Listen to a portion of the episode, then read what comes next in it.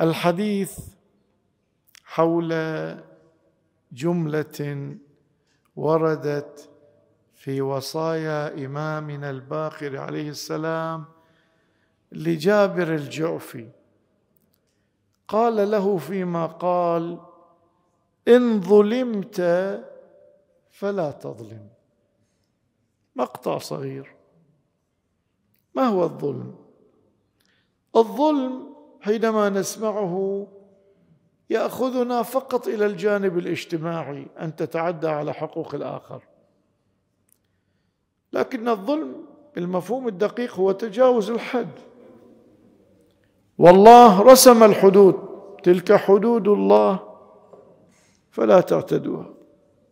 فالإنسان إذا أراد أن يعرف معنى الظلم بالمعنى الحقيقي عبادة الهوى إن الشرك لظلم عظيم وما ظلمونا ولكن كانوا أنفسهم يظلمون.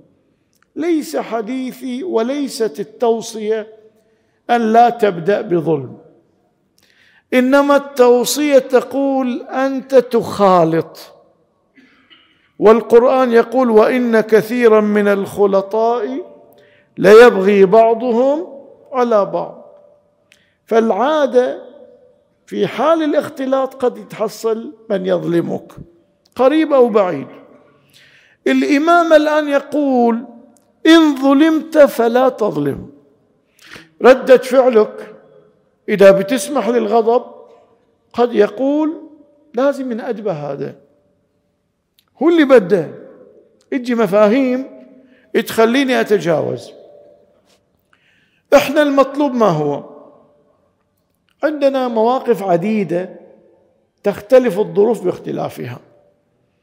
الموقف الأول لمن ظلمني هو أن أقابل إساءته بالإحسان. إذا في قابلية أن يتحول من عدو إلى صديق نطبق عليه الآية ولا تستوي الحسنة ولا السيئة. ادفع بالتي هي أحسن فإذا الذي بينك وبينه عداوة كأنه ولي حميم. هذا موقف. هذا الموقف في الحقيقة أنا لا ألوث نفسي بالخصومة وأنا أصلح الآخر وأحوله من مترصد وعدو إلى صديق حميم. كل الناس هكذا؟ كل الناس إذا تحسن ليه؟ يتغير؟ لا طبعا. هناك اللئيم. لهذا هناك الجاهل. الجاهل لو أرد عليه يستانس. لأنه يريدني أنزل لمستواه. إذا شتمني وما شتمته ما يرتاح. يريدني أشتم حتى يشتم هو. وندخل في هالمتاهة. ففي بعض الأحيان أنا مو جاي أحسن إليه أنا جاي أحسن لنفسي. أن لا يستنزلني هذا إلى مستواه وإذا خاطبهم الجاهلون قالوا سلاما. حق الواحد يمكن أن يناسبك تدخل إياه في مهاترة؟ ما تقدر على الأحمق ولا الجاهل هذا يستدرجك إلى جهالته. فبعض الأحيان هو لا يستحق العفو ولا يستحق الإحسان لكن السكوت. لما؟ لأنه يريد مني شيئا لا يناسبني ولا أريد أن أكون فيه. هذا الأمر أو الموقف الثاني. الموقف الثالث التأديب آخذ حقي. هذا بعض الأحيان آخذ حقي حتى أصون نفسي ما يعتدي علي مرة ثانية. وبعض الأحيان أنا أريد أصلحها. إن ترك مارس الظلم مع الجميع. إن عوقب ارتدع. فرحمة به أنا أردعه. خلينا نشوف نموذجين. من النماذج العلوية. الإمام علي قاعد على منبر الكوفة وكما تعرفون يتدفق العلم من جوانبه. فقام رجل خارجي قال يخاطب عليا قاتله الله كافرا ما أفقهه. عندهم هو ارتد أشرك. لكن يشوفون العلم يتفجر من جوانبه. فيقول قاتله الله كافرا ما افقهه فقاموا له وثب عليه أصحاب علي فقال علي رويدا إنما هو سب بسب أو عفو عن ذنب. أقدر اسبه مثل ما يسبني لكن هذا ما ينزلني لمستوى شوفوا معاوية أخذ الماء ومنع علي علي ما يمنع. يعني ما يمكن يسمح لنفسه أن هذا السافل ياخذه إلى منحدر. ابدا. فهذا الخارجي قال ما قال أمير المؤمنين تركه تركه ما عاقبه لكن في ناس تتعظ بالعقوبة وترتدع. يقول أحد الرواة اسمه رزين اسمه رزين. كنت أتوضأ في ميضات الكوفة مكان الوضوء.